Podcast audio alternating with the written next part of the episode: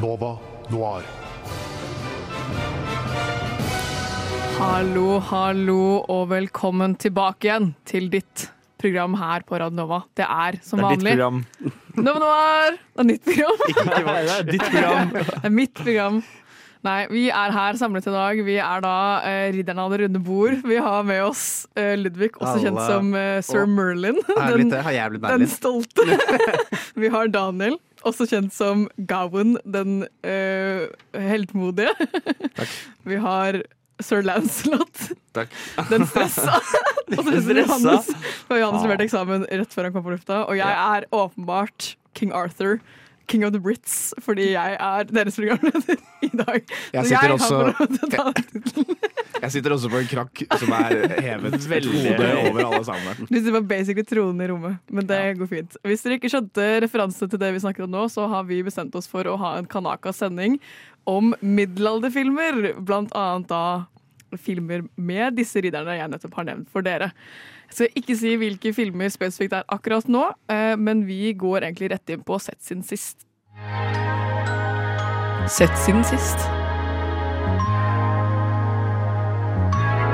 Sett siden sist. Sett siden sist. Sett siden sist. Sett siden sist.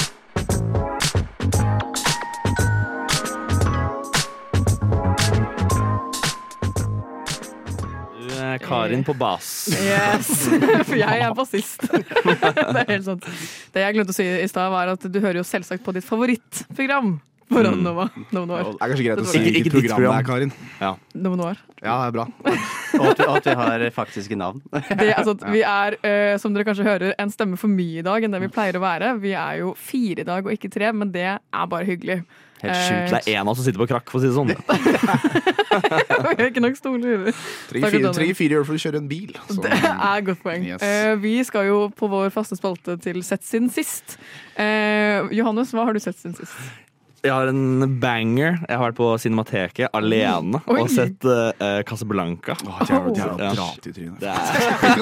Jeg var alene på Cinemateket. Jeg var alene på Cinemateket og så Casablanca, og jeg satt ved siden av uh, en gjeng på fire gutter som oh. også var på Cinemateket for å se Casablanca. Er det filmbroene? Eh, ja, og de var veldig koselige. For de, eh, jeg merka liksom på karakterene deres, for de snakka møbler før vi design, Designmøbler før vi starta Hadde filmen. alle på seg sånne litt sånn sennepsbrune corduroy-bukser, Mm, eh, nei, det var mer sånn- flannel, og så hadde alle sånn litt sånn floppy hår som de har i sånn 500 Days of Summer. Ja, flopp, og briller. år var det. liksom. Men det var mer sånn hvit T-skjorte, beige bukse. Åh, det er enda verre. faktisk. Nei, men De var ordentlig koselige folk og snakka om eh, møbler de syntes var utrolig fine. Så det, jeg fikk sånn gode vibes. Ja. Jeg backer. Mm. Hva syns du om filmen, da? Eh, banger film. Banger. Ja, masse, det er liksom sånn klisjeen av alle klisjeer, men før det ble klisjé. Så det var, jeg synes det er veldig gøy å se på det. Tror du folk, når de lagde Casablanca i 1940, at i dag, 2023, så vil noen omtale filmen som en banger? Nei, Og så er de bare sånn hva betyr Men det det? er jo bare det beste komplimentet i verden, liksom. Altså, vi som har levd så li langt unna den filmen, liksom. Bare er sånn Fy faen, jævla banger av en film, ass. Og så er det sånn Casablanca 1940. Humphrey Bogart, liksom. Det er sant. Da har du sett sin siste, Daniel. Yes, annet enn moren til Johannes, så har jeg sett uh, Oh my god. Det er beef i studio. studio. Sorry, det er godt. Bare- Måtte bare gjøre det. Dette blir Eh, så uh, jeg har sett- meg. Jeg har sett uh, Sopranos. Eh, jeg har begynt på det med min romkamerat. Snorre. Um, som Har du eh, sett det før? Jeg har sett, jeg har sett, jeg har sett uh, Sopranos til sesong tre sånn én gang før, og så falt jeg av, dessverre. Eh, men det er ikke fordi at det ikke var et dårlig- bra program. Så du til Eh, sesong tre, eller bare sesong tre? Nei, til. Ja, Altså frem til. Ja, Eh, så jeg så eh, Jeg har bare sett partallsepisodene i uh, oddetallssesongen. Riktig. riktig. Det er den eneste måten jeg ser på det. Eh, nei, Sopranos er en fryktelig kul serie. Eh, altså Utrolig antihelt. Uh, altså Følger liksom en sjukt bra antihelt i Tony Soprano. Og er på veldig mange måter et sånn familiedrama som skjærer inn med mye sånn mafia Som føles ekte ut, men som er jo også veldig fiksjonalisert. Men det, det, det ligger sånn, liksom, litt sånn mellom Breaking Bad, hvor liksom, du tror at de der familiescenene er sånn Åh, de jævla familiescenene. Men så innser du det er det er det viktigste delen av serien. Det er de familiescenene. Så det er veldig veldig kult. Jeg liker det veldig godt. Ja, jeg har jo ikke sett uh, no, Jeg har ikke sett én eneste episode sjøl, men jeg har sett masse av det på sånn TikTok. Og, Ja, ikke sant? Så jeg Sånn- føler jeg har sett det. Det er en Ja. veldig veldig, veldig sånn parodiert serie nå. Og det, da innser du sånn der, at det er veldig, det er veldig influential. da Altså Det er sykt eh, viktig for TV-historie. Jeg har et spørsmål til alle dere som sitter der. Fordi jeg har sett et sånt intervju av han der ene som spiller han der eh, Han som er litt sånn slick eh, young guy. Som yeah. ikke får til ting helt Ja, hele tida. Christopher. Ja. Var det ikke han som, han, I et intervju så snakka han om at han hadde, de hadde liksom våkna opp av telefoner fra folk som liksom eh, eh, ringer og sier sånn her eh, 'Halla, du vet ikke hvem jeg er, men eh, dere gjør en ganske bra jobb på showet deres'. Altså, og så mener de at det er liksom mafiabosser da, som har liksom ringt og sagt at, Det eh, er så at det her er ganske virkelighetsnært, liksom. Det er kult. Ja, men eh, Spørsmålet ditt er om dere tror på det i det hele tatt. Å ja, ja, ja, er du gæren? Altså, det er sånn som Gudfaren ble jo lagd med, Man må, Kunne bare bli lagd med godkjenning av mafiaen, liksom. Eh, Det er i 1972, liksom. Og, Ja, det var eh, så kjempeproblemer med å lage noe sånt. da. jo, altså den, den, skulle, den måtte godkjennes, for å si det mildt. Ass. Så det er eh, det, Altså, det er ekte. Mafiaen fins. Ja, det gjør ikke noe. lenger, men ja. Ja, jo, jo, jo. det har jeg sett. Sopranos. Nice. Hva har du sett siden sist? Jeg har også vært i mafialand, men uh, litt mer minimalistisk, tror jeg. Det, det er en Tom Hanks-film som heter Road to Perdition fra 2002. Sam Mendes. Jeg så opp uh, den igjen. Sam Mendes, ja. Eh, kanskje best kjent i James Bond. uh. Ja, men eh, den, den er en liten gem, altså. Det er en liten gem. Ja. Den er sånn uh, handler om en fyr som er mafia, så finner han ut at mafiaen er etter han, så får han får han plutselig samvittighet, fordi de er ute etter han og sønnen. Så han og sønnen Så classic, ass. Ja. Han og sønnen eh, må liksom bare forsvinne. Eh, ja, den er bra. Det er noe av det best, beste fotograferte filmen jeg har sett i mitt liv. Er det Roger Deakins som har filma? Nei, det er en fyr som døde rett døde Det er faktisk eh, moren din, da. Oi, oi, oi. Det er den, det er den ordentlige Da er, samtalen moren min, hadde nå. da er moren min en fryktelig flink cinematograf. Ja. må jeg innrømme. Karer fra sida ødelegger hele greia. Godt jobba, mamma. På Road to Perdition fra 2002. Visste ikke at du hadde et så tett forhold med Sam Mendes, men uh, kjempekult. Var det liksom i, er det Tom Hanks-renessansen vi er i, liksom? Er det Jeg vet ikke, Har han hatt den? Har ikke Har han han- alltid bare vært ja, stødig? vært- Nei, men Det jeg elsker med. Tom Hanks, er at hver gang han spiller sånn 30-tallsmann, så legger han på seg litt sånn ekstra par med kilo, så han blir sånn tykk i Kina. Så liksom uh, Tykk i Kina eller Kina? Tykk i Kina. Og så, så jeg digger sånn derre Hver gang det er sånn period piece med Tom Hanks, så liksom, i hvert fall fra sånn 90 til C90 til eh, 2002-2003. Men alle- Veldig spesifikt, men mennene jeg, jeg, veit det er veldig alle mennene ser så feite ut, for alle går i sånn uh, three-piece-suit og kjempefrakker. Kjempefrakker. Inn- Innendørs også. Og Jude Law er med i den. Ja, Er det som, så, jo, som sånn uh, Og er sånn. Assassin og er svett hele filmen. Ja, ja, Han er så svett i hele filmen. En sånn Han ser ut som han Han, han, han han har narkopsnes Han Det er, er mulig han han er det. grønn, liksom, i hele filmen. Det er veldig Men det er, den filmen her er, det er estetisk er det som slår meg mest. Ass. Fordi innholdet er Den forteller en historie som har blitt fortalt uh, i mange forskjellige former og mange forskjellige tider. Men det er liksom bra fotografi og uh, dadbods i dress. Nice. Og Tommy Gens, liksom. 30-tallsmann som får en samvittighet. Veldig bra. Var det ingen veltrente menn på 30-tallet? Alle bare gikk i svær dress? Alle fikk samvittighet når de var fem- 45. Men har du, har du ikke sett en sånn, der, sånn skjønnhetskonkurranse fra 30-tallet? De ser jo ikke ut, liksom. Hei, hei, hei. Jeg vant! Jeg syns de var jævla digge. De, På 30-tallet. Det er Litt magegreie. Ja, det er liksom bare sånn Du er ikke på steroider, liksom. Ja. Det Men anbefal eh, filmen hvis du er glad i men så døde de av dysentri rett etterpå. Da. Så. Men jeg kan anbefale den hvis du liker det estetiske ved filmer, da. Ja. Det jeg har sett siden sist, er eh, Jeg var hos en kompis av meg eh, med en annen kompis, for jeg har bare kompiser, apparently. og vi så den verste filmen i verdenshistorien, og det er en film som heter Psycho Goreman. Og den er så Er dårlig som den høres. Det, er, det handler om eh, Den Psycho Goreman? Det var det, det var det jeg het i russetida. Hvordan faen. Men det er eh, et søskenpar, en lillesøster og en storebror, der lillesøsteren finner en liten krystall eh, i hagen sin for de driver og leker arkeologer. Og så finner hun ut at den steinen er eh, en stein som kontrollerer liksom, en av universets største liksom, mordere. En av de største liksom, kriminelle i hele universet. Så hun blir da, som en sånn bratty, irriterende liten drittunge, hans liksom, sjef. Og kan liksom styre han til å gjøre hva hun vil. Og han er sånn skikkelig blodig, gørrete, ekkel, sånn bløt hele filmen. Skjønner du hva jeg mener. Sånn Kostymet til er bare bløtt. Og så Altså litt sånn som Jude, Jude Law i ja, riktig. Og så sitter hun bare og er sånn sykt irriterende, barnslig liten dritt. Og han er sånn 'jeg skal drepe dere, og dere skal aldri føle så mye smerte som dere har følt nå'. Ha-ha. Og hun er sånn 'Ro deg ned, se på litt Cartoon Network'. Og så er jeg sånn det er så Og det er så lavbudsjett, og det er så dårlige replikker. Og hun lille jenta er uutholdelig irriterende, liksom. Det er bare, Du blir så sur på henne. Er det dårlig gøy eller dårlig dårlig? Eh, det er eh, begge deler. Ah, ok. på en måte. Noen ganger er det så dårlig at det blir litt lættis, og noen ganger er det så dårlig at jeg er sånn fy faen, det her er bare dritt, liksom. Hvem er regissert filmen? Jeg husker ikke engang. Det er, eh, men han, han skulle egentlig lage, han skulle egentlig lage en toer, men den uh, sliter liksom med å komme- få nok funding Kommer av ikke helt, kommer ikke helt på beina, den filmen. Må ringe Sam Mendes. Jeg vil nok ikke anbefale den om dere vil se en bra film, men om dere skal kose dere med en drittfilm. Hvis du ser se en grønn og bløt film, så Ja. Jeg tror ingen hørte den tittelen og tenkte sånn "Mm, Kanskje. Grønn og heter jo egentlig, han blir jo oppkalt etter hun lille jenta som Psycho Gorman, for hun prøver å finne et kult navn til han. Og han har en sånn kjempelang, mørk tittel som er sånn typisk sånn alien-greie. Og hun er sånn Nei, vet du hva? Du skal hete Psycho Gorman PG for short. Psykotisk kjøttmann. sånn, ok. Nei, jeg likte den ikke i det hele tatt. Jeg tror jeg ga den én stjerne på Letterboxd. I- Ja, Igjen! Det går an å gi halve, vet du. jeg vet det, men Ja. den var litt! Underholdende. Okay. Let's fucking go! Den var jo ikke helt krise. den. unhinged i studio i jeg rata den skitten én. Men der er det i hvert fall både anbefalinger og ikke-anbefalinger fra oss, og her får dere en låt.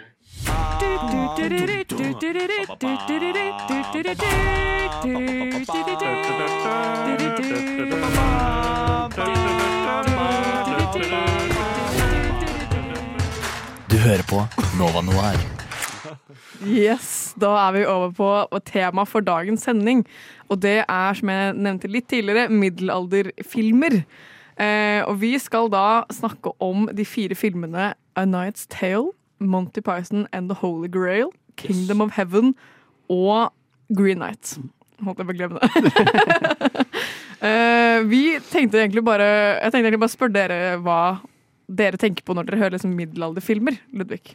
Uh, Blokkfløytemusikk uh, og sånn kirkekor og uh, sånn derre gitar som bare fins i middelalderfilm. Uh, Sånn lut, luttaktig. ja. Eller sånn derre hvor kassegitaren ikke hadde utvikla seg helt. Litt sånn Dere skjønner vel all, Ja, ja, ja. all musikken jeg prater om? Ja, ja. Det- Absolutt. Som en som har eh, nå en bachelor ja, ja. i musikk.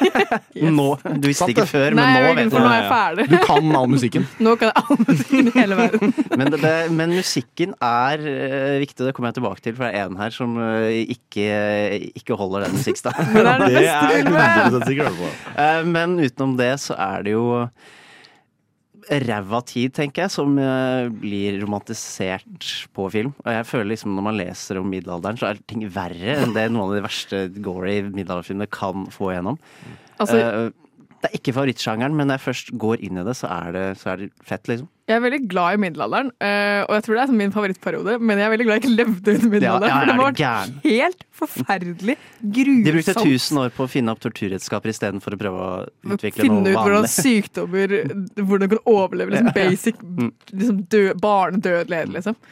Hva tenker du på, Johannes, når du tenker middelalderfilmer? Oi, du stiller så gode spørsmål. Eh, det jeg skulle til å si, var i hvert fall at eh, det er en av de filmene her som jeg føler representerer ganske bra hvor jævlig ræva det er å leve i middelalderen. Det er jo det, ja, det er Monty Python. Det kommer vi Yes. tilbake til Men åpningsscenen der, fytti helvete, altså. Og det er den derre den der sølelyden som eh, Det er den jeg tenker mest på når jeg tenker på Bring out your dead! Mm. det var det. Alle bare kom på sånn tralle med bare døde mennesker Ja, på. Liksom. Ja, hvis filmene har riktig, så, er det aldri, så var det aldri fint vær i middelalderen. Nei, Det er sant. Det ble, det ble På ikke fint før- 1000 år, på 1000 år var det ikke fint Det blir ikke fint før man drar til Jerusalem, liksom. Der, da er det det jævlig nice. Ja, men før det, absolutt ikke. Hva med deg, Daniel? Eh, Jeg tenker også på eh, altså, bare gjørme og bæsj, liksom. Og, vent, og de der stygge hattene. Ja, De der jævla stygge luene. En annen ting jeg alltid driver og henger meg opp i når jeg ser på middelalderen, er sånn, hvordan kom dere hit? Hvordan ble det så altså, jeg, sånn, Alexander den store, gamle Egypt og romertiden. Det, sånn, det blir malt i sånne fantastiske tablåer, liksom. Det er bare sånn, dere har også gamle Hellas, sånn ancient sivilisasjoner, og så bare går det 1000 år! 1000 år! Og så, og så er de bare sånn Alle er hekser, og alle vibrerer. Og altså, alt er Guds vilje. Du bare dreper alle på måfå. Alle dør av pest, alle blir voldtatt, alle er fattige. Det er sånn, Den største sånn føydalsforskjellen er helt crazy. Og så blir jeg bare sånn hva er det som hva skjedd? Hvordan har det gått Jeg så til helvete, liksom? Jeg så den siste, jeg så Kingdom of Heaven i går, som var den siste filmen jeg skulle se før sendinga i dag.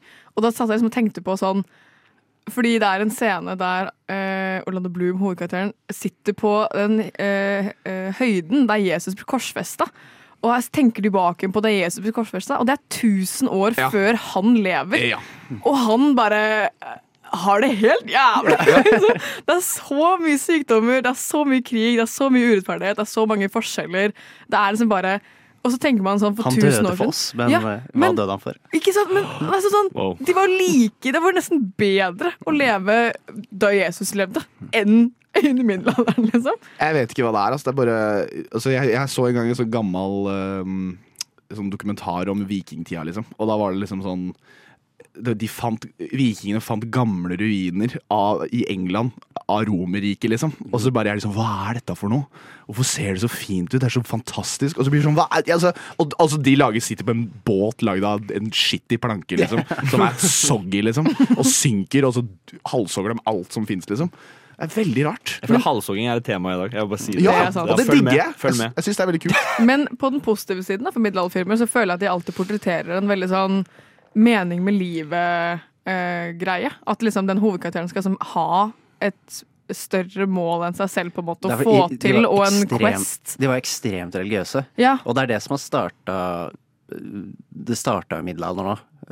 Den derre ekstremt religionsfrykten. Mm. Og at prestene på en måte er øverste Vi lever sånn her fordi vi har synda. Det er sånn sånn derre eh, De hadde det kult før fordi de synda, virker det som egentlig er eh, logikken deres. Men det er jo fortsatt bra at de har en slags sånn Hva skal jeg si mening med livet i veldig store gåstegn. At de klarer å finne noe mer enn bare den elendigheten de er født inn i og lever inn i. At de klarer å se videre da, enn bare sin egen elendighet. Og det er vel et uh, tema i alle filmene vi har Mm. valgt. Jeg tror den eneste måten de rike kan holde på makten sin i en sånn type, er å bruke religion for ja, ja, men du har det jævlig nå, men når du dør, så kommer du til et bedre sted. Det er Liksom. gudsfrykt, liksom, som er eh, de er veldig, alle, alle disse filmene er veldig gudfryktige. Sånn, de er veldig, veldig redde for hva som eh, For det større makter, på en måte. Er det noen som kan gi meg et sånt eh, For jeg skjønner liksom når jeg ser det, så ser jeg å, det er en middelalderfilm. Men når er middelalderen?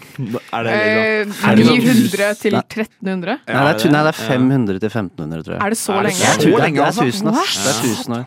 Shit, Det er noe så lenge på Google, da. Må vi- må. Men, vite det. men eh, jeg, man ser jo at en ting jeg også syns er så artig, at det er så mye Det er liksom så veldig lite Lite veier og sånn. Altså, det er jo ikke, en- det er ikke en vei Han- eller en sti i sikte, liksom. Det er 1000 år, ja. Ludvig har helt rett. Fra Oh, omkring 500 til omkring 1500. Mm. Damn. Det er, mye, det er mye å lage film om. Ja, men, men, jeg er men av, en, av en eller annen grunn så merker jeg at uh, i f- middelalderfilmer ofte er på den siste halvdelen. 1000 til 1500. Ja. Korstog uh, de fleste perioden. filmene virker som de er satt sånn mellom 9 til 1300, ja, liksom. rundt Sånn, der, ja. eh, Høymiddelalderen heter det vel. Det er vel derfor jeg tror at det er middelalderen Mm. her. Fordi det, den tidligste filmen vi har, er satt i 934 eller sånt, og den siste er satt på 1300-tallet. Men det er også sånn der, for at eh, Middelalderen er en av disse her sjangerne som er, liksom, de er veldig bestemt i stil og estetikk og sånn. Men sånn, der, du har for eksempel sjørøvertiden.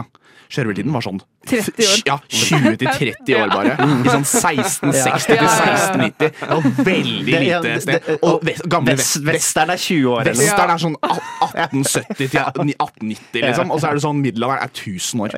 Og så er det sånn, Men det ser helt likt ut i Ja. alle filmer. Og Lite progressivt. Ja. Det altså, sånn, andre verdenskrig var fem år, Ja, og det er så mye mer å lage film om. mer vet, det er bare sånn, for at jeg, jeg skal innrømme altså, den, den sjangeren her har Du blir lei, ass. Sorry, ass, men du blir veldig sliten av å se på disse greiene her. Vi skal jo også snakke om hver enkelt film som vi har tatt med oss i dag. Eh, Vi begynner kjapt med Kingdom of Heaven, men før det så får dere en låt. Terningkast fire. Terningkast Terningkast fire. Terningkast fire. Og det blir terningkast fire. Birger Vestmo, er det deg? Yes, Vi er da over på eh, dagen, hva heter det? dagens, faktisk, ukas første film. Her kommer Johannes inn altfor seint, men det går bra. Uh, Kingdom of Heaven, uh, vil du introdusere den kjapt, Ludvig?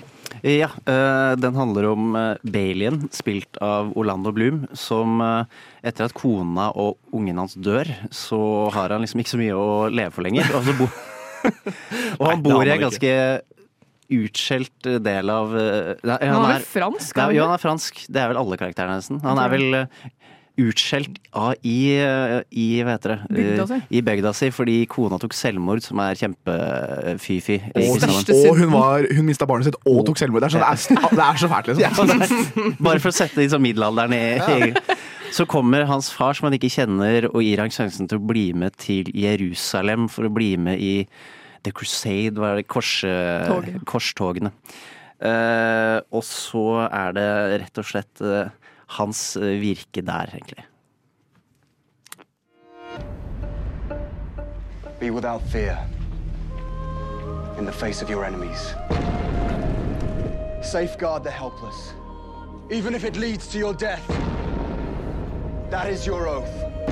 Rise a knight! Rise a knight! What becomes of us? The world will decide. The world always decides. A new world. A better world than has ever been seen. There, you are not what you were born, but what you have it in yourself to be. Der har vi en liten trailer for Kingdom of Heaven. Og det som skjer med eh, Balian eller Orlando Bloom, er jo at han blir jo med faren sin da, ned til Jerusalem.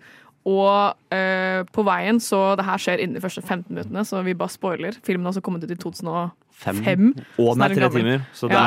er, at det her skjer så fort, det er ganske ja, imponerende. faren hans dør jo ganske fort etter at han har takket ja til å bli med, og han arver da eh, eh, Hva blir det? Barontittelen til faren sin. Ja, Han får altså eiendommen Ja. til faren i eh, Jerusalem, Men eh, som. da. for å da få den eiendommen, så må han også eh, ta på seg alle relasjonene han har til de som er i Jerusalem. Jerusalem. Blant annet da kongen av Jerusalem og hans søster Sibylla. Kjedelig, eh, ass. å måtte bli den med samarbeidet samarbeidet mellom eh, Salahadin, som da er eh, muslimene sin konge, eller hva det heter. Eh, beklager hvis jeg burde vite det her. Jeg vet ikke. Sjef. Konge. Og så da alle kranglene han har med eh, franskmennene som har kommet på korstog. Så han arver jo ikke bare liksom, eiendom og rykte, han arver jo med alle relasjonene til disse menneskene. Og det er jo midt i et opprør mellom da den kristne delen av Jerusalem og den muslimske delen av Jerusalem, der de franske vil ta over byen, mens Salahadin har nå vært utafor byen i mange mange år og prøver å få den tilbake igjen. For det er jo en konstant liksom, overføring av makt mellom de kristne og de muslimske. Hva tenkte dere når dere så filmen, Daniel? Og er det noe veldig, kan jeg vel si noe veldig, veldig, veldig kjapt? Veldig kjapt bare sånn med en gang, så vi etablerer dette. Hva tenkte jeg første gang jeg så den filmen? Jeg tenkte Batman Begins. I, Ja, det jeg skulle si! Jeg skulle si er dette, Har Liam Neeson en farsrolle som apprentice Altså, i fi, to filmer Kom ut samme i samme år? han sier, han sier det samme. Han, han sier noe sånn herre uh, Når de lærer å slåss, for han lærer litt sånn sverdteknikker, da. Faren sin veldig sånn bonding-greier. Ja, så, si, så sier han sånn herre Fordi han overmanner han, uh, sønnen sin, og så sier han sånn uh, Fear is your enemy. Eller noe sånt. Nei, han sier there's, uh, there's more to a sword than just its edge. Altså, Ja, ja.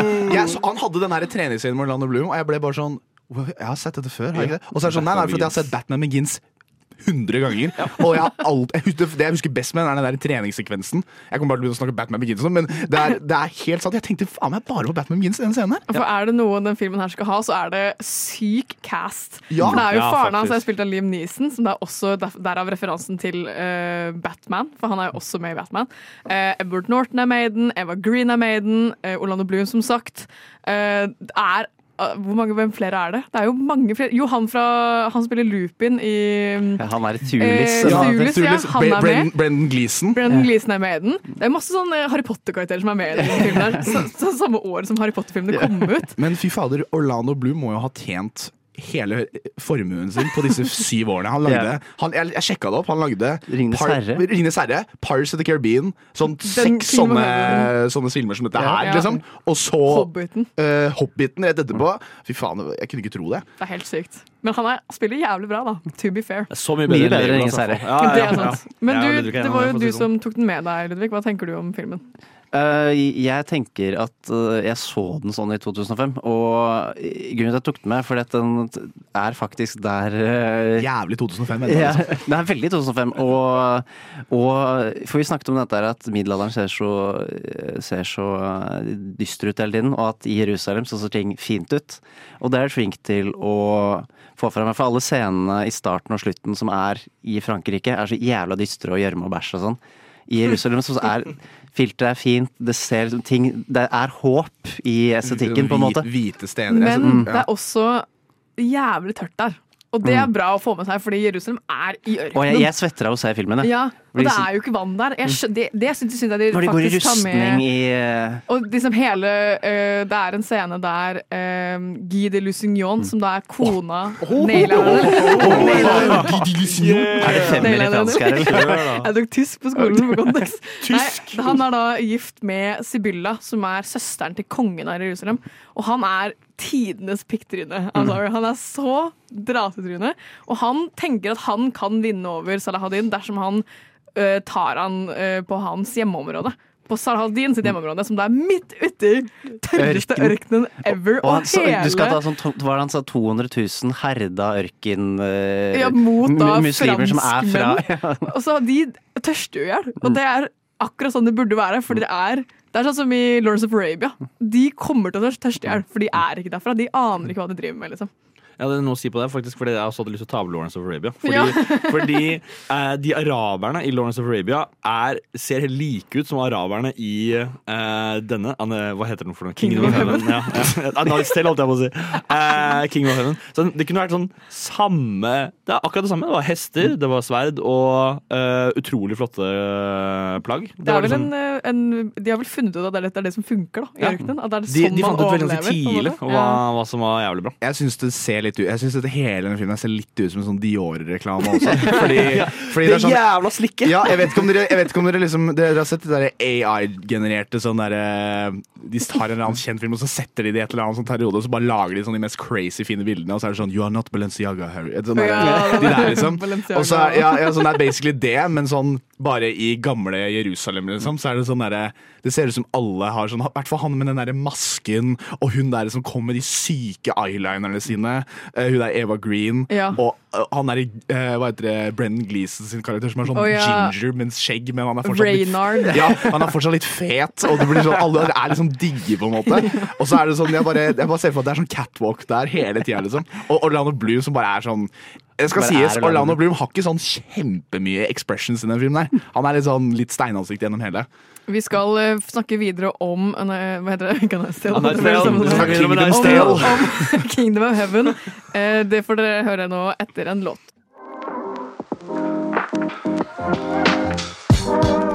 Nova Noir. Film på radio. Hver torsdag 10 til 12, eller i din podkast-app når som helst. Vi er inn på vårt tema om middelalderfilmer, og vi er på vår første film, nemlig Kingdom of Heaven. Eh, hvordan føler dere at denne filmen portretterer middelalderen, siden det er det som er temaet vårt? moren jeg Oh my god. Hva tenker du, Ludvig? Eh, Nei, fordi noe som er greit å nevne, er at dette er den første sånn store, i hvert fall som hadde store slag som kom etter Ringenes herre. Sånn ett eller to år etterpå. Eh, og da var liksom satt en annen standard for hvordan eh, slagscener skulle være. Og jeg syns de, spesielt på slutten, mot slutten, tar over for det som kunne vært innhold. Det er en kul krigsfilm, på en måte. Eh, men den prøver liksom å Den spiller litt på litt klisjeer og sånne ting. Men det vi gikk tilbake til lista Eller spesielt tankegangen var at faren, altså Liam Neeson sin, sin mantra nesten, er oss, på en måte. At han sier i Jerusalem så kan hvem som helst bli hvem som helst. Du arver ingenting. Rikinger kan være fattige, fattige kan bli rike og sånn. Eh, Han representerer Obelian etterpå, da. Representerer Folket. Eller våre verdier, Ja. sånn de er nå. eh, Stort sett. Mens franskmennene og de religiøse er på en måte den tiden. For Belian fantes vel ikke i virkeligheten. Nei. Han er på en måte 2005 skutt inn i 11 hva enn det er, liksom. Ja, det, ja, det er jeg helt enig i, men det, jeg syns det er øh, fortsatt Det er ikke helt sånn øh, fjernt, på en måte, med de verdiene, på en måte. Uh, for det er jo Noen må jo representere folket også, på en måte. Men jeg skjønner at det er Det blir litt for moderne i en såpass gammel film. At de kunne ha gjort det mer øh, Ikke historisk riktig, for det er vel ingenting, egentlig. Men jeg merker at den er laget i nåtiden, og ikke da, selv om det er basert på en sann historie. Jeg liker i hvert fall at Belian uh, i hermetegn taper, da. Han ender jo opp med Sibylla, så må de liksom flytte til Frankrike og bli ingen igjen. Mens fordi i virkeligheten så vant jo Saladin og tok over Jerusalem, og det skjer jo. Ja, han, De, de, ja. ja, de flytter jo ikke på det i det hele tatt. Men det er fordi han Ja, nei, sorry, Daniel. Nei, nei, det, det var bare Det er jo Det det virker som at det er det som er på en måte litt av klimaks i filmen. At det, det skal ikke handle om Jerusalem Han sier jo det, det er liksom alt, men ingenting, sier han. Ja. Eh, og da blir man sånn Ja, OK, så du, han, eh, Liam Neeson gir jo et løfte eh, og sier du må beskytte kongen, og kongen er, representerer folket. Og hvis kongen dør, så må dere beskytte folket. ikke sant? Og Det er jo det han på en måte gjør, at det er derfor han forsvarer Jerusalem. Han gjør jo ikke dette her for å, for å vinne Jerusalem, han gjør det bare for å, for å redde folk. Og Det er derfor han gir det opp til slutt, for han sier jo da bare han Saladin sier jo jeg vet at du har masse barn og øh, kvinner der inne, og masse gamle. Og, og så, jeg vet at du har et helt folk bak der. Alle de kommer til å gå, liksom. Altså, det kommer til å altså, skal, Ingen ingen, skade ingen, skade, ingen kommer til å dø, liksom. Og han er bare sånn OK, her er du. Vær så god. Fordi du da skjønner at han er ikke her for å eh, for han har det ikke Jerusalem denne her, Han er ikke der for å bevise noen. på en måte Han er ikke der for å bevise overfor Gud at han er en hellig kriger. eller noe Han er der for å bevise at han er en, en mann av folket. da Ja, og så han er, Jeg vil bare nevne at han er utrolig søt når han sier det der. eh, Så søt! Han er så søt nå fordi at det, uh, etter at de blir enige om denne Han spiller veldig kostbar, han Orlando Bloom, i denne utvekslingen av, uh, av terms. Ja. Men jeg liker det. Han er bare sånn Han bare står på sitt skikkelig, liksom. Ja, ja, ja. Han sier han skal brenne hele byen før han gir den over. Og det er jævlig fett. Og så, så sier uh, Salahadin bare sånn alle skal få lov til å gå fri hvis du over, overgir byen. Og så sier han OK, jeg aksepterer. Yep. Uh, med en gang. okay. Og så sier, altså, mens uh, Saladin går sin vei, så sier Orlando Bloom sånn Hva er det Jerusalem betyr? Og så eh, sier Saladin kjapt sånn ingenting. Og så går han videre, og så snur han seg rundt og så ser litt sånn, sånn søtt inn i kamera, så sier han men også alt. Og så går han videre. Og så gjør han, han, eh, fin og så gjør han musikk. Tenet-tegnet. Nei, det, jeg leste jo litt Jeg leste meg litt opp på denne historien som Kim of Heaven er basert på. For jeg fant ut at det er jo basert på en sann historie med åpenbare eh, eh, hva skal jeg si eh, film, filmatiske endringer for at storyen skal bli litt mer kul og believable og romantisk og alt mulig. Uh, for det stemmer jo at han uh, Balian er fransk og en uh, smed som blir henta av faren sin for å liksom, arve hans uh, eiendom og rykte. Men han gifter seg jo med den ikke nevnte søsteren til eh, kongen av Jerusalem. Ikke Sibylla. Sibylla blir med Guy de Lusignan etter at de har tapt hele byen, og flykter med han tilbake til Frankrike. Så Sibylla er jo egentlig bare med han mannen sin, for de er gift. Eh, glemte jeg å si. Guy de Lusignan er eh, arrangert ekteskap med Sibylla. Ja. Eh, så det er en liten periode. Det er vel fire år eh, Balin er konga i Jerusalem før dette slaget skjer. Så det er jo, de har jo tatt vekk mange år og gjort om relasjonene litt.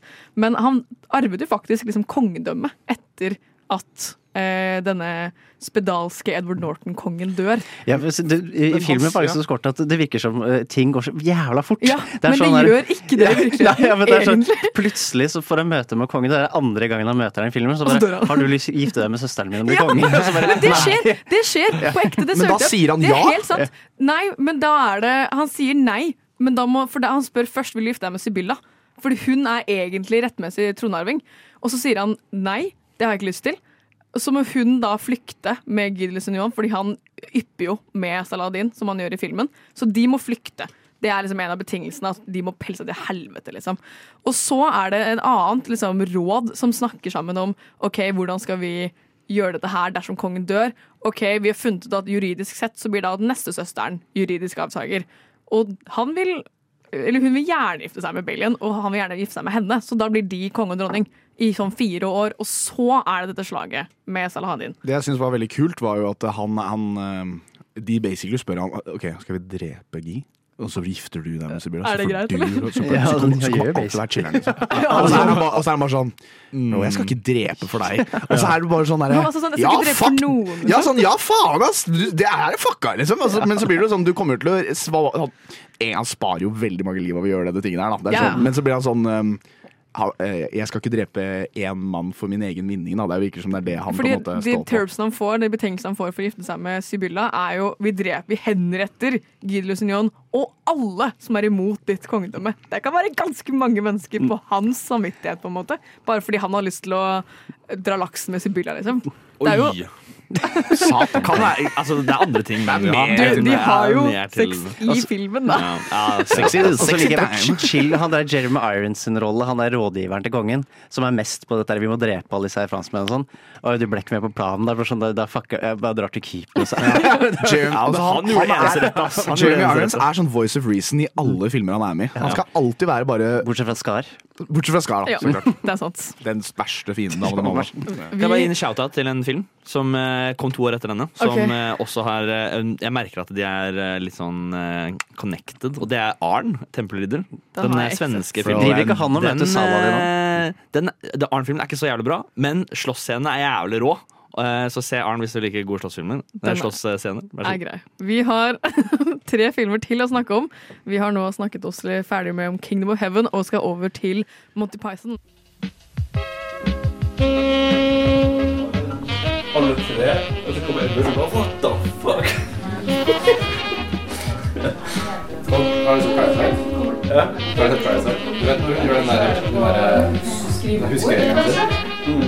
Å, shit, shit. Uh, Nova Noir.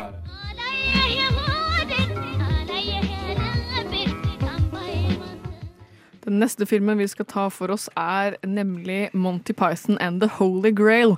Den handler kjapt om kong Arthur, eh, king of the Brits, som prøver å få med seg riddere til å være med han hjem til hans slott for å lage ridderne av det runde bord. Eh, Det er første halvdel av filmen. Og får til det, får med seg sir Lancelot og sir Gallahan og alle disse kjente menneskene dere kjenner fra før av. Robin.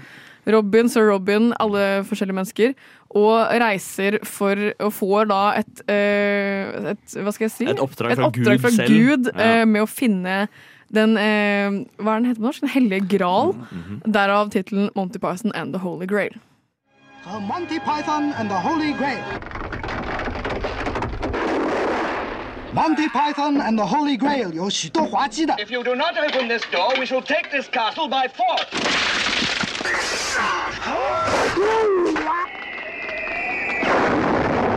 We're knights of the round table, we dance whenever we're able. We do routines and all the scenes. 故事紧张。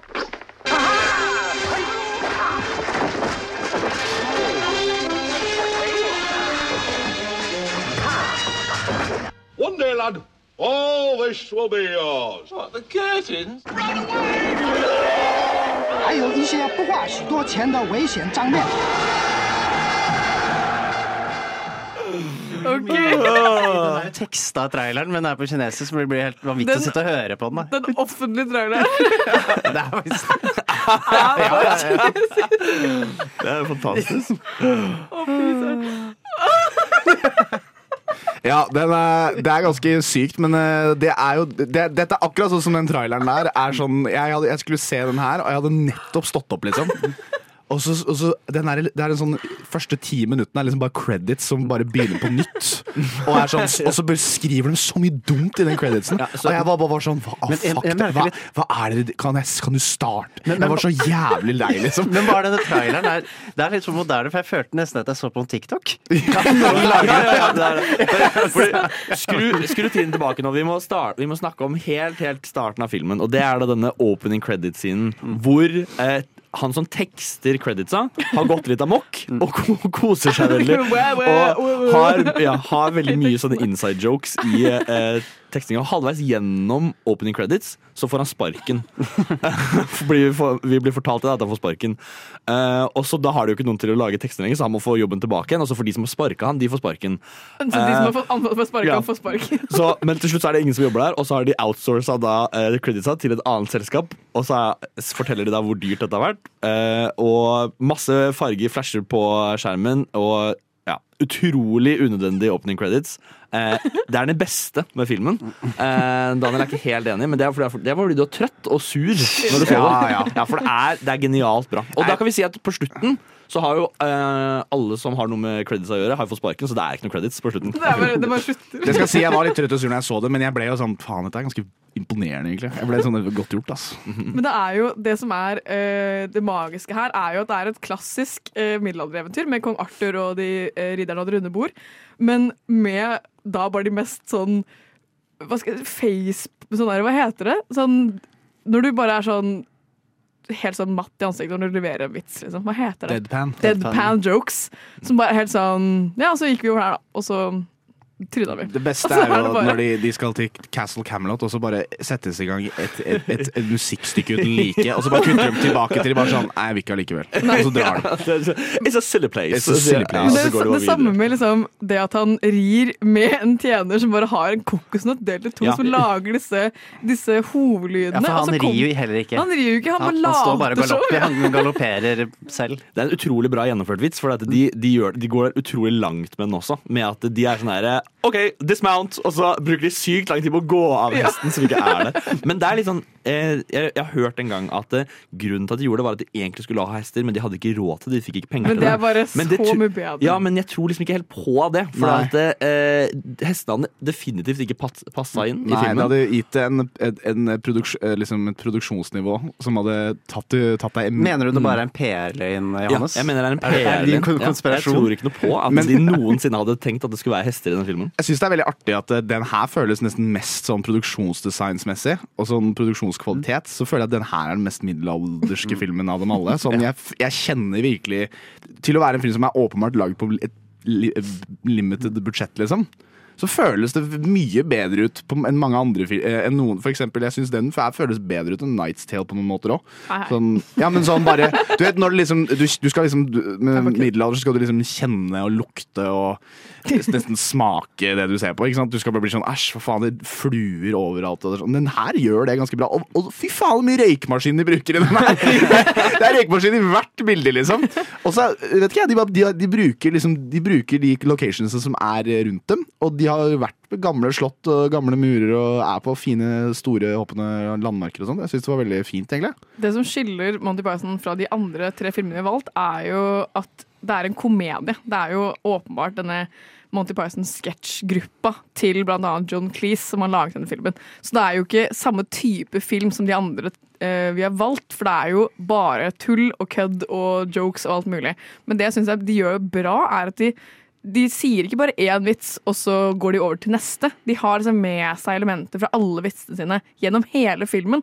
Så de refererer jo tilbake igjen til Det er blant annet en scene med scene 24, der det er en eller annen gammel mann, og han blir liksom referert til lenge ut i filmen. Mange ganger, liksom. Eh, og det samme med denne franske John Cleese-karakteren som står og liksom eh, har tatt over alle slottene som engelskmennene vil ha. Og bare står der og bare skjeller dem ut og fornærmer dem. Har du lyst til eh, å si noen av tingene han sier? gang, han sier jo «Ei fart in your general direction». Det er den legendariske uttalelsen av kniggets istedenfor Det er. Det You er. English kniggets. Utrolig bra. Det er eh, Jeg føler med sånne film som dette så kan man jo bare man kan quote, Det er jo det vi har gjort. Vi har quota denne filmen i 50 år snart. Liksom. Den er bare Den er jo fortsatt utrolig sånn quotable. Ja. Sånn, du kan fortsatt sitere den Så på- i dag, og folk kommer til å le. På Liksom. mange måter så kan du si at Monty Python Holy Grail er en av de middelalderfilmene som er aga best. ja. Selv om den er sykt sånn dated, på en måte. Men sånn, jeg føler at jeg kan Monty Python har jo overlevd lenger. Det er flere som ser på den enn å se på Kingdom of Heaven, føler jeg. Og det er mye på av Monty Python er kjempekjente og kjempeinfluential, men samtidig så er det det middelalderaspektet som du kommer også tilbake til, som de gjør veldig bra. Du, du, du lytter til Nova Noir. Lytter til Nova Noir hver torsdag 10 til 12.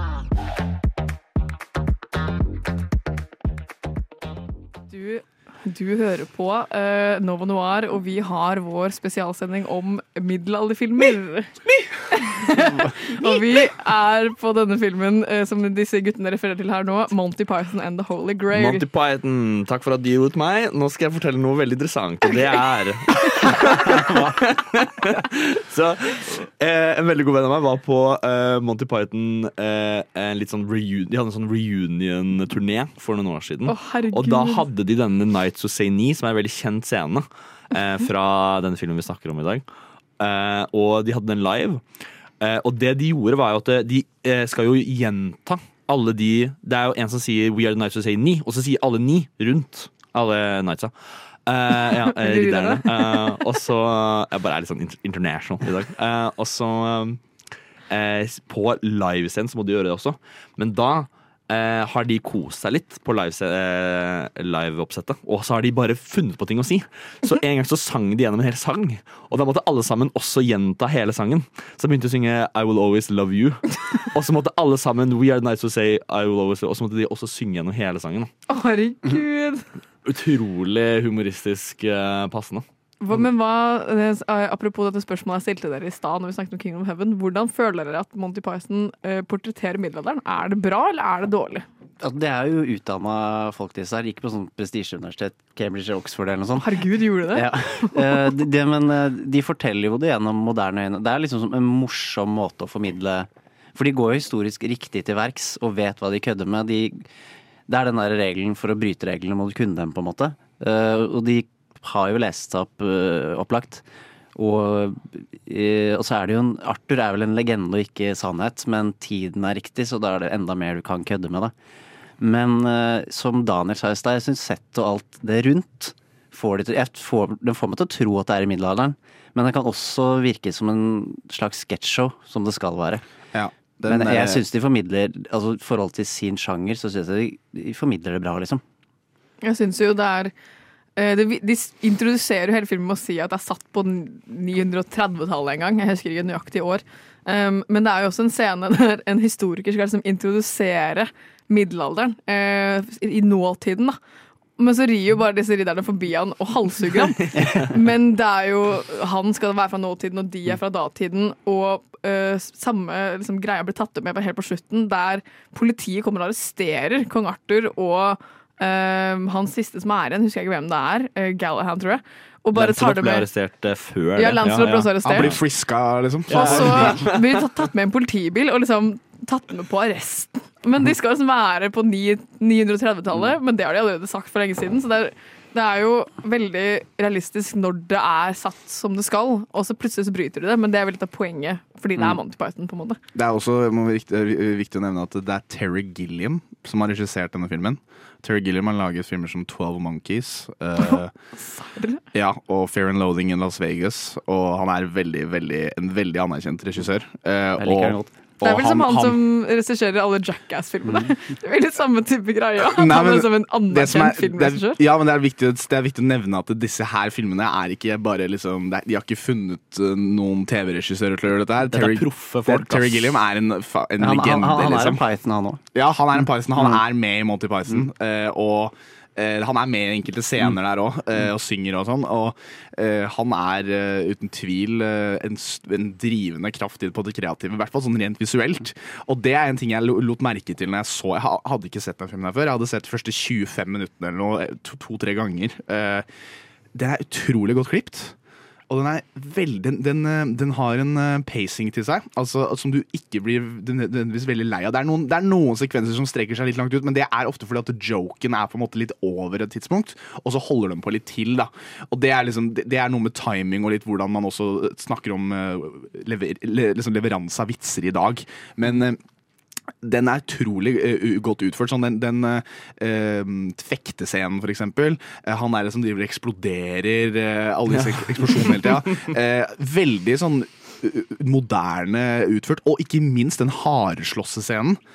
Det er en scene Ja, hvor liksom de syv ridderne slåss mot det harde. Jeg bare tenker fy faen, dette kommer til å bli idiotisk lagd.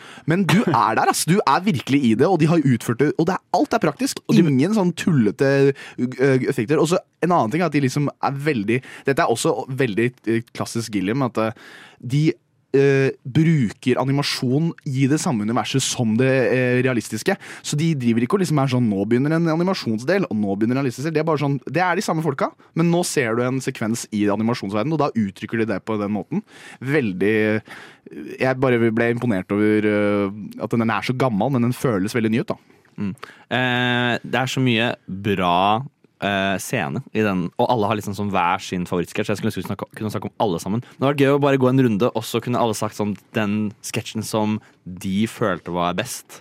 Fordi det kan godt hende at det er ganske annerledes. Ja. Uh, Ludvig, hvem er det? Uh, jeg er alltid jeg, jeg er ganske lettledd og ganske billig i humoren. Jeg, jeg, jeg får nesten litt sånn Jeg syns jeg er dum som liker den scenen best, men det er en scene der hvor han ene skal storme et slott. Ja, Og så- det var- det og så- det jeg ville si. Ja, de, de, de filmer liksom fra langt, og så kommer han løpende opp. Ja. Og, de bruker bare det samme klikk, klippet Jeg vet ikke Jeg, jeg, jeg, telt- jeg telte en gang, men jeg, jeg, husker, jeg husker ikke hvor mange ganger. Det er tre ganger, tror jeg. Det er. Er det, Er det mer? det kan, er det mer? Jeg tror kanskje det, det er fem eller noe. det mest komiske er at til slutt så bare er han der. Det er akkurat det samme klippet, og den, den, den humoren er jo litt sånn som i dag. òg. jeg, jeg, liker, jeg liker sånn der dratt ut-humor. jeg jeg syns det er, er gøy. Eh, for jeg digga liksom Family Guy sånn da jeg var yngre, og de gjør Ta akkurat det masse, samme. masse av det. Ja, og de gjør mye av sånn dra ut-humor. Hva med deg, Daniel? Eh, Jeg skulle også si den scenen der, fordi den er bare så enkel. Ja. Men eh, jeg, hvis, jeg bare sånn, hvis jeg skulle tatt bare rent filmskaping og sånn regi, så ville jeg sagt at den harde scenen var imponert Ja. Utrolig mye. Altså. Spesielt at de også hadde De har liksom malt uh, hara i blod på slutten. Ja. Sånn, de har liksom tatt litt blod på den og fått den til å se ut som den har vært i kamp. Liksom. Ja. Johannes likte også denne løpescenen best. Jeg likte selvfølgelig løpescenen best. Det synes jeg er utrolig bra. i hvert fall fordi at jeg, jeg huska ikke hvor mange ganger man så den før. Jeg, for jeg visste at det må, plutselig bare dukker han opp og, og stikker han ned i magen med, med sverdet. Men også scenen etterpå er jo kanskje en av de beste, hvor han bare løper gjennom og bare slakter. Ja, masse massemord, liksom. Ja, og det, det er veldig gøy, for det tidligere så er han liksom ehm, Han har blitt kalt til dette slottet av at noen sendte en sånn pil ut av vinduet med eh, en lapp, og så blir jo han skutt, han der fyren, han som han kommer med, og han bare sånn Nei, nei, nei, det går bra. Uh. Bare bli her, jeg klarer meg fint, jeg. Og det er bare fordi han har lyst til å gå og myrde. Ja. veldig på, veldig, på, veldig på mote, da. Sånn middelaldermessig. Veldig sånn on team. Ja. dreper bare alt du ser. Jeg tror min favorittscene er denne scenen der uh, Det er helt på starten. Det er en dame som blir anklaget for å være heks. Og deres Ja. måte å uh, finne fram til logikken på at hun er en heks, er at hun skal veie like mye som en and. Og så veier hun like mye som en and, hun er sånn OK, fair enough. Og så blir man bare brent Nei, er- på bålet, liksom. Det er, den kan flyte fordi den veier like mye som tre, og hva annet flyter? Ender. Så Jo, da derfor må den veie like mye som en and. Og så er det sånn, blir du tatt på det, så bare ah, fair. Også- Nei, greit, Så så skal jeg dø. Også veldig theme middelaldermessig. Ja, det er sant. Eh, vi skal nå videre til vår tredje film, som er min favorittfilm, men før det en Også den låt. dårligste. Nova Noir. Nova Noir. Vi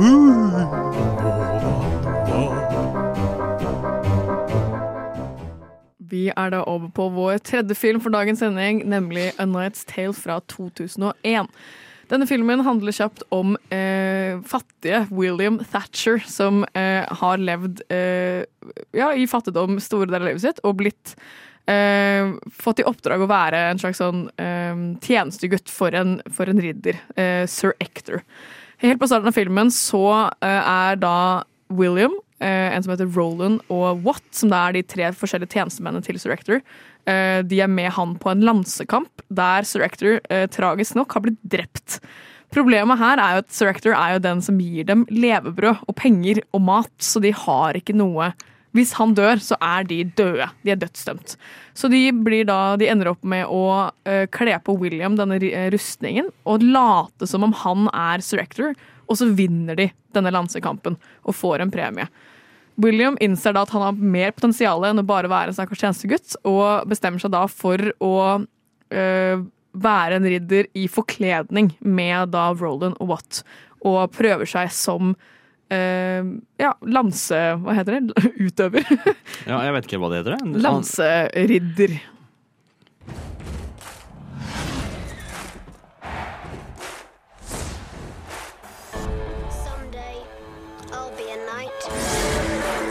Yes, William. If he believes enough, a man can do anything. My lords, my ladies, I have the pride, the privilege, nay, the pleasure of introducing to you a knight, sired by knights. William Thatcher didn't make the rules. He was born. I've waited my whole life for this moment. To break them. Yes! Det som skjer da på veien, er jo at uh, de ender opp med å vinne en liten sånn gullfjær, som da Roland Watt og William selger. Eh, og bruker da disse pengene på utstyr og trening og alt mulig for å kunne mestre den lansekampen. På veien eh, så møter de da den legendariske forfatteren Jeffrey Chaucer, som er en faktisk forfatter fra 1200-tallet. Han han har her, skrevet den historien i boka si, så det er der den er tatt fra. Det er der Night's Tale-storyen er tatt fra. For han sier jo helt på slutten dette her må jeg skrive en bok om. Dette er veldig viktig. Dette, jeg må fortelle verden om dette her, og det er der denne uh, fortellinga er kommet fra. Den faktiske boka til Jeffrey Chaucer. Kan dere tro det? Det visste jeg, men det visste jeg ikke. Var veldig kul tall. Takk, det er Paul Bettany som spiller Jeffrey Chaucer. For dere som ikke visste det.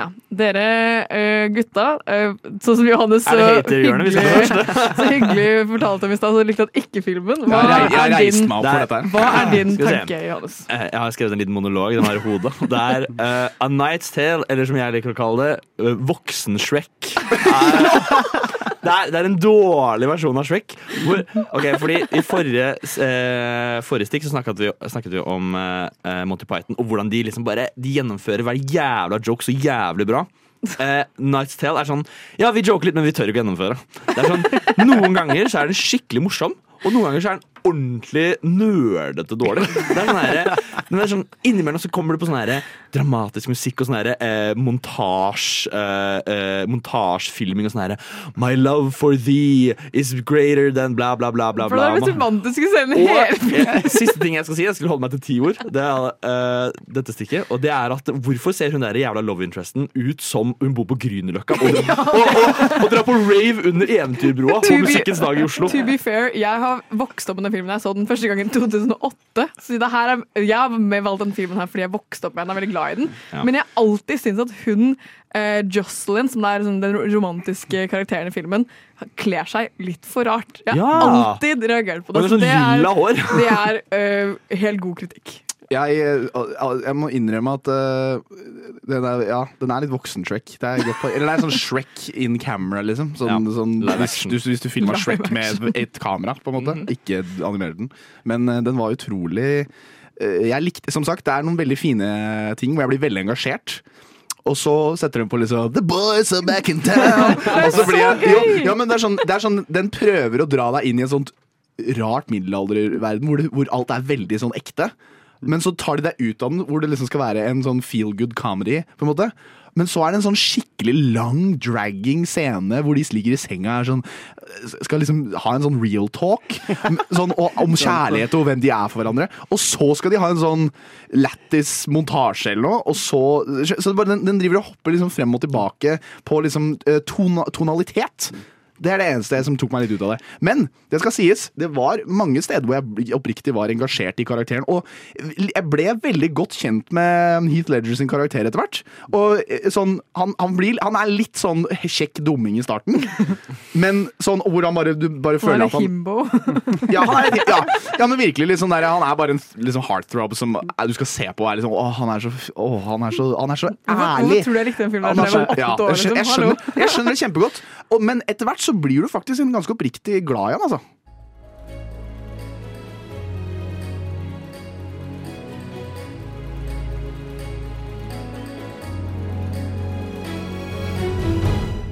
Hva? Klokka er elleve! Det betyr halvveis inn i Nova Noir-sending. Radio Novas beste filmprogram.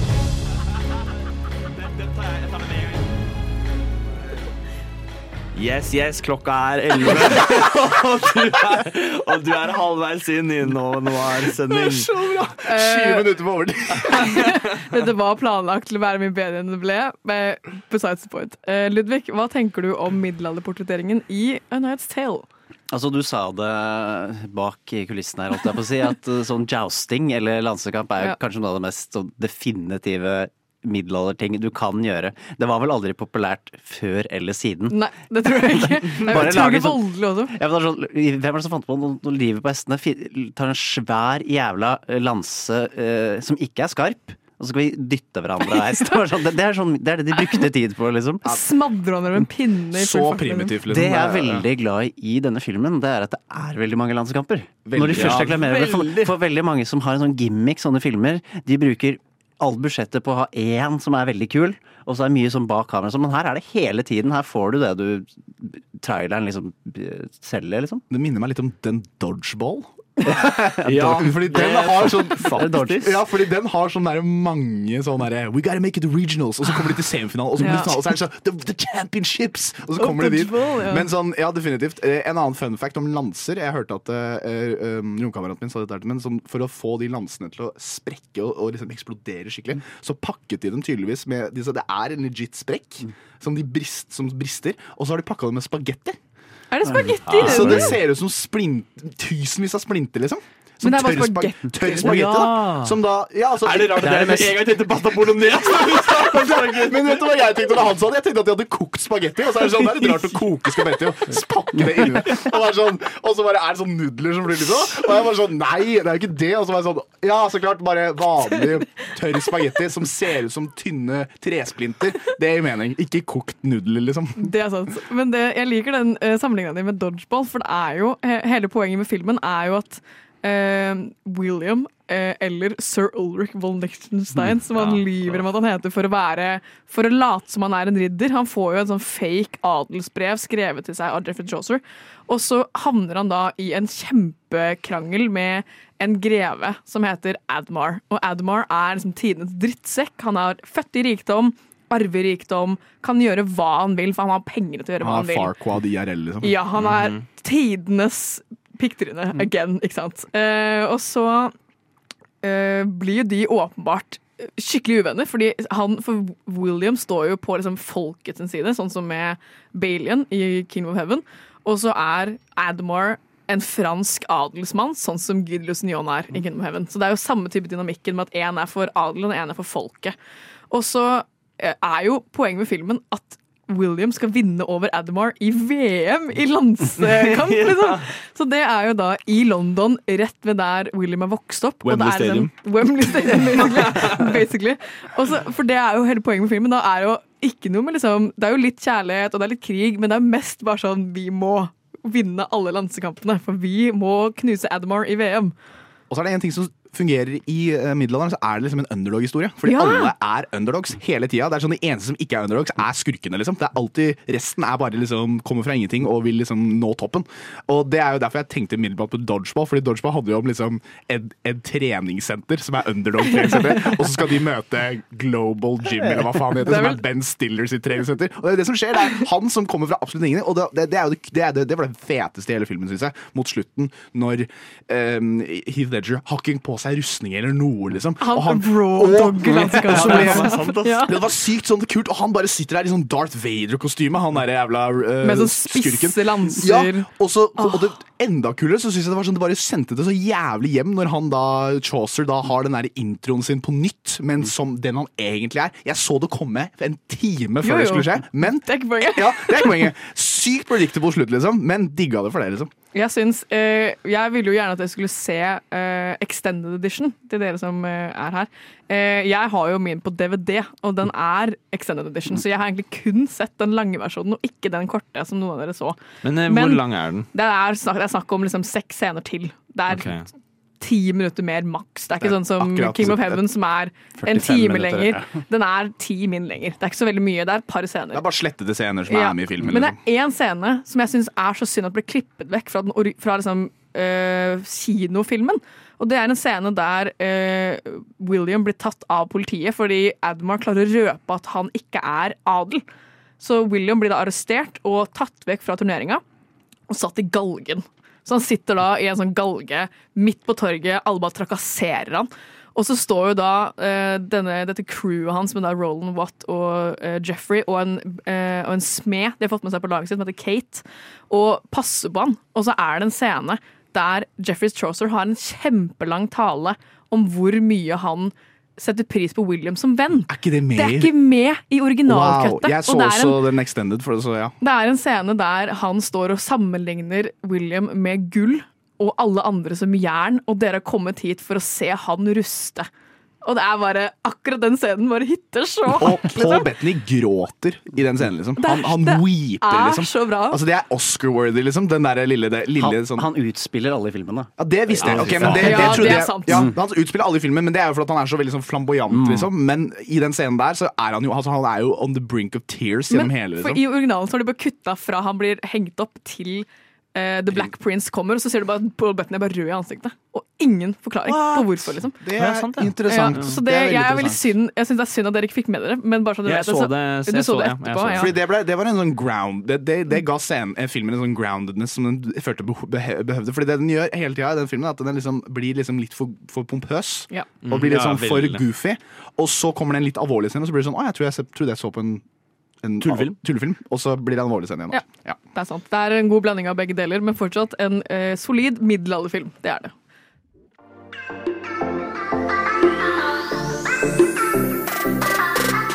Du lytter til Nova Noir her på Radio Nova.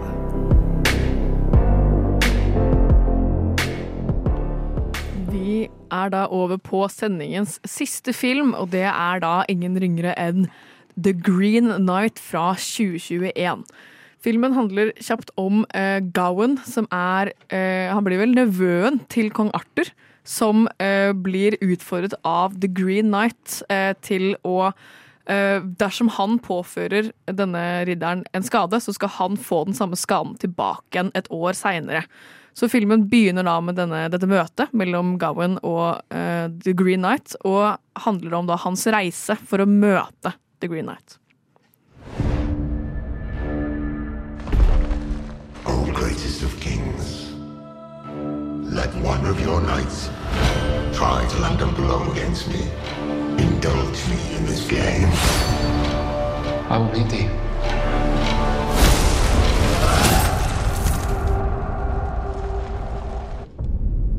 One year hence. You rest your bones. I'll finish your quest for you. Honor. That is why a knight does what he does. Are you ready? Gåsehud, gåsehud! Jeg blir ganske hype når jeg hørte traileren. Hva tenkte du, Johannes, når du så den filmen? Jeg har sett den før. Jeg så den når den kom på kino. Men du gjorde det? Eh, Du var en av de få som gjorde det. jeg var en av de få som eh, så den når den kom på kino. Eh, en av de hundre stykkene som sikkert gadd å se den, i hvert fall i Norge. Eh, og eh, jeg husker at jeg ikke likte den så godt når jeg så den. Jeg, jeg likte kameraarbeidet veldig godt. Altså, det er en visuelt veldig kul film. Det er jo Eh, A24. Så det er jo- A24, det Verdens alt. største, minste filmselskap noensinne. Så jeg husker jeg likte det, veldig, det visuelle veldig godt. Og, men siden den tid, eh, det er vel to år siden nå, så har jeg sett mye mer filmer. Og jeg tenkte sånn, nå, den her kommer jeg til å sette så mye mer pris på nå. Og ja, litt i hvert fall. Litt mer pris på. Jeg, er helt, eh, jeg husker veldig godt at den her ble markedsført veldig bra. Eh, Ja. Det var en som det var, det skulle liksom, Og det var så gøy, for at den er, begynner å bli litt eldre. eh, men det, det, det, blir, det føles ut som The Witch i middelalderen, på en måte. Det er veldig sånn tonemessig lik følelse. Eh, og jeg husker at jeg var så gira på å se den filmen og så bare så jeg den aldri. Sånn, det bare kom og gikk. Sånn, jeg husker jeg var sånn. Ja, jeg var sånn wow, se på den filmen! Kommer fucking amazing! Og så bare, bare fasa det, fasa det ut. Eh, og det ble, men uh, syns den var eh, utrolig kul. Uten tvil, sånn på mange måter, den hadde noen mest middelaldervirkemidler av dem alle på noen måter. Eh, og er sånn veldig sånn liker ideen at det, har en, det sånn fortelling med et, med, en, eh, med et message, på en måte. Du merker at dette her er liksom skrevet eh, med et mål om å liksom fortelle en større eh, eh, læresetning, på en måte. Da. Det syns jeg var veldig sånn middelaldersk på en eller annen måte. Ja, jeg synes det er jo, eh, som vi snakket om bak kulissene her, at det er jo samme type sånne ehm, Hva skal jeg si Kapittelstart, på en måte. Sånn som det er i eventyr. Både i Monty Python og i Green Night. Det er Sånn liksom sånn der. The Journey Begins og The, The Green Night, og det er sånne, sånne små sånne tittelkort for å liksom, eh, dele opp filmen i forskjellige segmenter. Og det syns jeg passet veldig godt til en middelalderfilm. For det er jo sånn med store utbroderinger på skjermen og veldig sånn klare skiller. Det er som å lese et eventyr når du var barn. Det er jo eh, også en fiktiv historie skrevet i middelalderen av en ukjent forfatter. eh, eh, og disse, ikke bare i de historiene ble disse sånne tittelkortaktige ting brukt, men i eldre filmer, og gjerne fra 50-60-tallet, hvor spesielt sånn epic- epic-sjangeren vel gullalderen eh, var. Og jeg liker litt throwback til det. Jeg syns det er kjempegodt. Det passer til den her. Denne her ga vel kanskje mest sånn jeg vet ikke hvordan jeg forklarer middelalderfølelse i settet spesielt. Og jeg har faktisk lyst til å si at settene her og, og Monty Python har ganske mye til felles. Ja, de, de, de, de er innelukka, og begge to har ganske lavt budsjett. Og, og de er veldig flinke til å gjemme det. Uh, du har Monty Python har røykemaskin. Uh, her har du ganske lavt lys. Eh, få uh, locations og få karakterer. Får nesten mest effekt av Ja, de du alle får sammen, mer liksom. effekt. Altså, less is more klarer denne filmen å gjøre Jeg er veldig glad i minimalistiske filmer, så dette er right up my alley. Jeg eh, er helt enig. Jeg syns også at den, den, den treffer på et sånt jeg- Det minte meg litt om sånne Christmas Carol. Sånn, litt sånn, men litt sånn i form av at det er en mann som drar på en reise, og så møter han på disse mytiske gjenferdene, på en måte, og alle sammen har, skal gi han en, en, en lære lærepenge med seg videre. Det Så er når den klassiske sånn tre utfordringer. Tre utfordringer, litt sånn event veldig eventyrisk og veldig sånn klassisk eh, Det minner meg litt om um, Det er litt, litt ikke helt likt, men The Northman, den som kom ut nå for Det er Å, også en ikke sett den. A24-film. Jeg syns det er akkurat samme type vibe Samme type begge vibe. to. At det er en, en sann fortelling. Det skal liksom være en historisk korrekt fortelling på noen måter. Men så er det så mye mytiske inn, inn, innstikk hele tida. Så du skal alltid være sånn Er det et myte? Er det sant? Er, er, ser han dette? Er det bare syner? Er det en state of mind? Og det er liksom hele ideen, da. At disse gjenferdene skal representere nesten sånne eh, personlige hindre han selv må komme over for å møte da et klimaks. eh, Sin, sin største prøve, da. Vi skal diskutere enda litt mer om The Green Knight. Good morning, Nova Nova!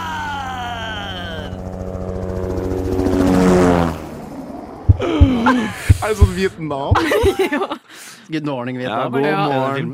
Ja. Våre shout-out til Karl Aksel for den uh, kjapt. Uh, hva tenker vi om middelalderportretteringen da, i The Green Knight? Jeg må innrømme at uh, eh, Det ble nevnt litt eh, tidligere, men eh, at eh, dette her er sånn som Monty Python. eh, en film som har litt eh, lavere budsjett, eh, og eh, bruker det til sin beste evne. Og det virker som at det ved, hjelp av å ha Altså på grunn av disse her begrensningene, så er de veldig smarte med hva de velger å vise. Og det er som sagt, i Monty Python så er det mye røykmaskin og mye gode naturlige sett som de har valgt. Gode skoger, gode åpne lande, sånn åpen land.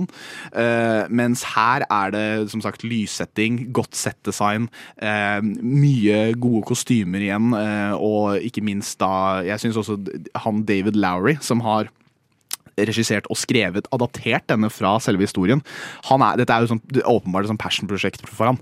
Så du ser at uh, han virkelig har prøvd å Hvordan kan jeg virkelig liksom gi denne her historien justice sånn rent visuelt? Og han, jeg syns det er veldig godt gjort at han, han som filmskaper, som regissør, han har virkelig bare utnytta budsjettet og eh, virkelig til det maksimale. Altså Jeg føler ikke at du kan uttrykke denne historien på en bedre måte enn det han gjorde.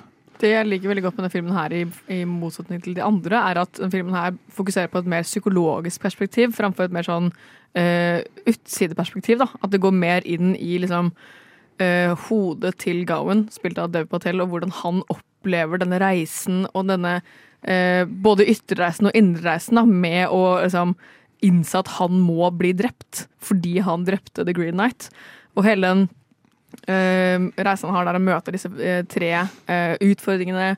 Han må jo reise gjennom masse vær. Han lider jo i været som skjer, og både lider mentalt, for han må jo innse at det her skjer, men han vil ikke at det skal skje, for han skal jo komme tilbake igjen som en, som en hederfull, stor ridder. Ikke sant? Det er jo det som er hele poenget. Så det er jo jeg det er gøy at de fokuserer mer på det indre enn det ytre.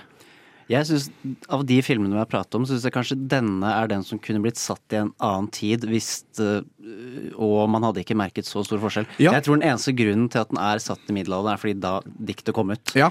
Eh, Men du kunne virkelig du gjort kunne dette her. Kanskje ikke sånn helt moderne, det må jo liksom komme i en tid hvor det liksom å ære og halshuging på en måte er eller dødsstraff på en måte er eh, Men det kunne vært antikken, det kunne vært opp mot 1700-tallet, det kunne vært enda lenger tilbake. og Historien hadde på en måte i, Du hadde fått det samme ut av det. Ja, fordi det er jo dette her, Den har jo et slags eh, tidløst filosofisk aspekt Mm. i seg, som definitivt forfatteren også har hatt i hodet sitt når han har skrevet dette her.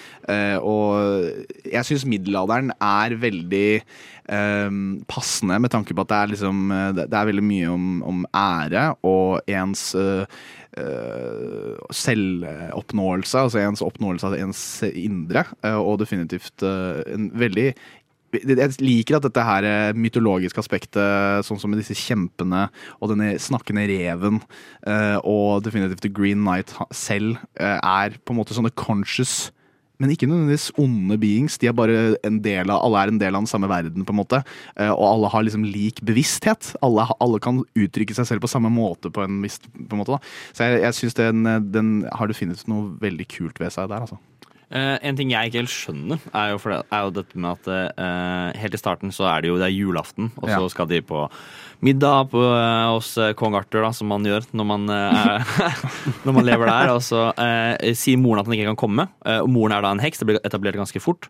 Eh, men hun, det er jo hun som på en måte Setter i gang dette. Setter i gang dette her. Men, Ja, hun tilkaller jo The Green Knight. The Green Knight og eh, eh, eh, det jeg ikke skjønner, er hvorfor det, det er jo åpenbart for å vise at sånn, disse ridderne til uh, kong Arthur er ikke så modige som de sier at de skal være. Og det ser man jo ganske fort, med tanke på at ingen av de tør å, å stå opp til utfordringen de Ja, for prøver han liksom å jekke ned sin egen sønn? Er det det hun prøver å Det er det jeg har tenkt. Men det jeg lurer på er at kanskje hun visste at sønnen ville vært dumdristig nok til å gå for det.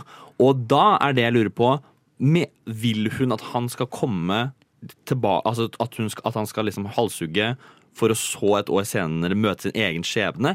Eller tror hun at det, det er det andre outcomet Den forklarer jeg veldig dårlig, men Nei, det andre outcomet ja. som at han drar tilbake og ender opp med å bli konge selv, er det det hun vil fram til? Jeg tror hun prøver å få han til å innse at han kan ikke bare kødde rundt som han har gjort tidligere. For han lever jo livet som en fest. Jeg har leksa, ass. Ja ja, men sånn Det er konfirmasjon. det er, ja, det, er- ja, det er også middelalderen. Altså, det er som, Men, men ja, men han var jo dum nok til å halshugge han. Han fikk jo liksom betingelsen på at hvis du pådrar meg hvilken som helst skade, så skal du få den samme tilbake. Ta en finger, finger, Han liksom. kunne, han kunne bare sånn er dunka han ikke sant? borti. Ja, det er akkurat Ja, det. det er hovmod står for fall. Det er uh, bare Han må gi slipp på egoet sitt. Det er åpenbart at han ikke helt skjønner uh, på en måte at dette bare er et at han, han får liksom høre at dette er bare et spill, og han tror på det. Ja, han han, han, han liksom. møter en jævlig hard sannhet med en gang går ut av den jævla døra. Ass. Det er Ja. akkurat det.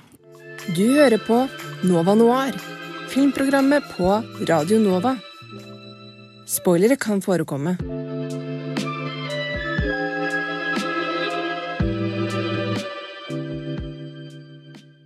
Vi har, vi har nå diskutert disse fire filmene. Kingdom of Heaven, Monty Python and Holy Grail, Kingdom, nei, A Knight's Tale og The Green Knight. Eh, hvilken film føler vi er eh, den som portretterer middelalderen best? Johannes. Uh, Monty Python. kort, kort svar. Kort svar, Litt biased opinion, kanskje. Ja, kanskje. det er, det, som sagt, det er jo Dette er veldig eh, Vi har jo litt eh, grann forskjellige erfaringer med disse filmene, men sånn, ettersom at jeg ikke hadde sett noen av disse filmene før jeg satte på til denne sendinga, så må jeg si at eh, The Green Knight uh, tok det for meg. Eh, ikke sånn scope-messig. Sånn, sånn, hvis du tenker scope-messig, så kan du gå til uh, Kingdom of Heaven, men definitivt Green Knight sånn, bare rent på sånn stemning og tonalitet. Så, ja. Jeg syns det er interessant fordi uh, eh, King of Heaven var den eneste filmen vi tok som baserer seg på en ordentlig hendelse, og ikke et fiktivt verk fra middelalderen. Ja. Så den burde jo Den skal jo liksom forholde seg til eh, fysiske, åndelige reglene som fantes da. De tre andre kunne ta seg litt mer friheter. Eh, så i, den som ga meg liksom den mest feelingen, der eh, står det mellom uh, uh, King of Heaven og faktisk de joustescenene Ja! i ja, Nice. Ja, men definitivt. Er det én ting som man tar litt for gitt i denne her sjangeren, er det at det er veldig viktig å dokumentere det og, og være sann til sånn sjangeren. leisure time, liksom. Ja, men, Fritidsaktiviteter. ja, jo, men definitivt sånn er det grunnen til at vi sitter og ser på Game of Thrones for eksempel, er fordi at eh, produksjonskvaliteten på det er bra, og at det er sann til perioden den er prøver å være satt i. Og, og Game of Thrones er helt fake, på en måte. Ja, det er sant. Og, og liksom, men allikevel så tar vi den perioden. Du får middelalderfølelse av det. du får middelalderfølelse av det, og du føler at dette her er noe de noe, det det er basert i noe som har blitt dokumentert, og det er viktig, tror jeg, i denne her sjangeren. Jeg tror jeg hadde valgt uh, enten The Green Knight, kun for liksom det eventyrlige av uh, hele den settinga. Uh, men jeg må også biasly enough, sånn som Johannes gjorde, å velge A Night's Tale. Men det er mest fordi jeg vokste opp med den, og brukt den eh, mye liksom som Jeg er jo overdrevent interessert i middelalderen av de andre historiske periodene. Og den filmen her var jo den som kickstarta min interesse, på en måte. Så det blir jo åpenbart at den har veldig mye å si for hva for mine interesser som voksen, da, at jeg så den filmen her så ung. Um, men jeg syns allikevel at Kingdom of Heaven er den som hva skal jeg si, eh, portretterer det realistisk. Mest realistisk. Fordi det er, som Ludvig sa, basert på en sann historie. Ble veldig um, positivt overrasket av Kingdom of Heaven. Ja. Uh, Syns det var en artig depiction, og følte vi definitivt Det er det som er, det er Ridley Scott òg, på en måte, og han skuffer sjelden. Skuffer Han har jo laget liksom Gladiatoren ja, og og det som jeg liker, er at hvis du, vi, sånn, vi leser om disse store store slagene, ikke sant? men så når vi først ser en film da som gjør virkelig det de kan for å bare være sånn Vi må virkelig få følelsen av hva disse store slagene var, og så sitter vi sånn sånn Å, det er så mye slåssing. Å, det blir så veldig mye slåssing på slutten. Å, men det er så mye Det er så mye av det. Å, jeg blir så sliten. Og så er det sånn Men Se på forsøket, da. Ikke sant? Se, altså, vi sitter ikke og sier det når vi sitter og ser på Ringenes herre. Uh, det er fordi da, da er det så digert, men siden det er liksom Men den her er jo på nivå mye av e- epicnessen eh, og størrelsen. Eh, så det er, jeg syns det, det må sies at de, de, den, han prøver å gi liksom denne her eh, epicnessen justice, da. Jeg tror alle mulige voldsscener Folk blir mer touchy på det når du vet at det har skjedd, eller de skal prøve å gjøre det på en sånn Hvis det er liksom orker, stygge, Ja. stygge, stygge, Stygge, menn, stygge menn som bare grynter Ja, ja. når de dør, så er det liksom ikke så farlig. Ja, det er sånn, jeg tror bare sånn ekte. Men det er også bare sånn disse periodepisene sliter kanskje litt med det. Da, at det blir litt for mye av det gode, kanskje. Og det, det, det vil jeg si at middelalderen eh, har gående for seg med meg. Da. At jeg, jeg tror ikke jeg kommer til å se så mye middelaldergreier etter dette her. Bare fordi at nå har jeg blitt litt, men, nå har jeg blitt, nå har jeg blitt litt grann mett på det. Ikke sant? Ja. Men det blir man av alle sjangre. Det er sant. Vi har da eh, diskutert disse fire filmene. Eh, Green Night, Night's Tale, Monty Python, Holy Grail og Kingdom of Heaven. Og vi skal ta en liten ha det bra etter en låt.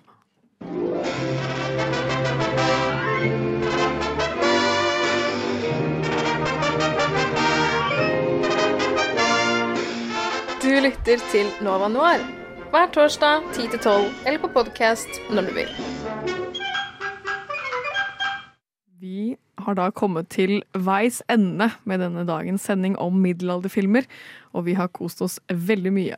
Neste uke er det faktisk semesterets siste sending, og vi skal da ha, som vi pleier her i Nova Noir, å ha en skikkelig Kanaka-sending der så mange som mulig fra redaksjonen blir med, og så skal vi snakke om ti forskjellige filmer der temaet blir sommer og reiser. Så det er bare å se fram til det. Eh, Det tror jeg blir kjempegøy. Da får dere høre ikke bare tre eller fire stemmer, men åtte eller ni av oss som er med på rundgang. Det tror jeg blir kjempegøy. Dagens sending så har jeg hatt med meg Ludvig Viltil, Daniel Nilsen, Johannes Bjørang og meg, Karin Grette. Og på spakene så har vi hatt Madeleine Dolati. Uhuh. Vi ses igjen neste uke. Ha det bra! Ha det. Ha det!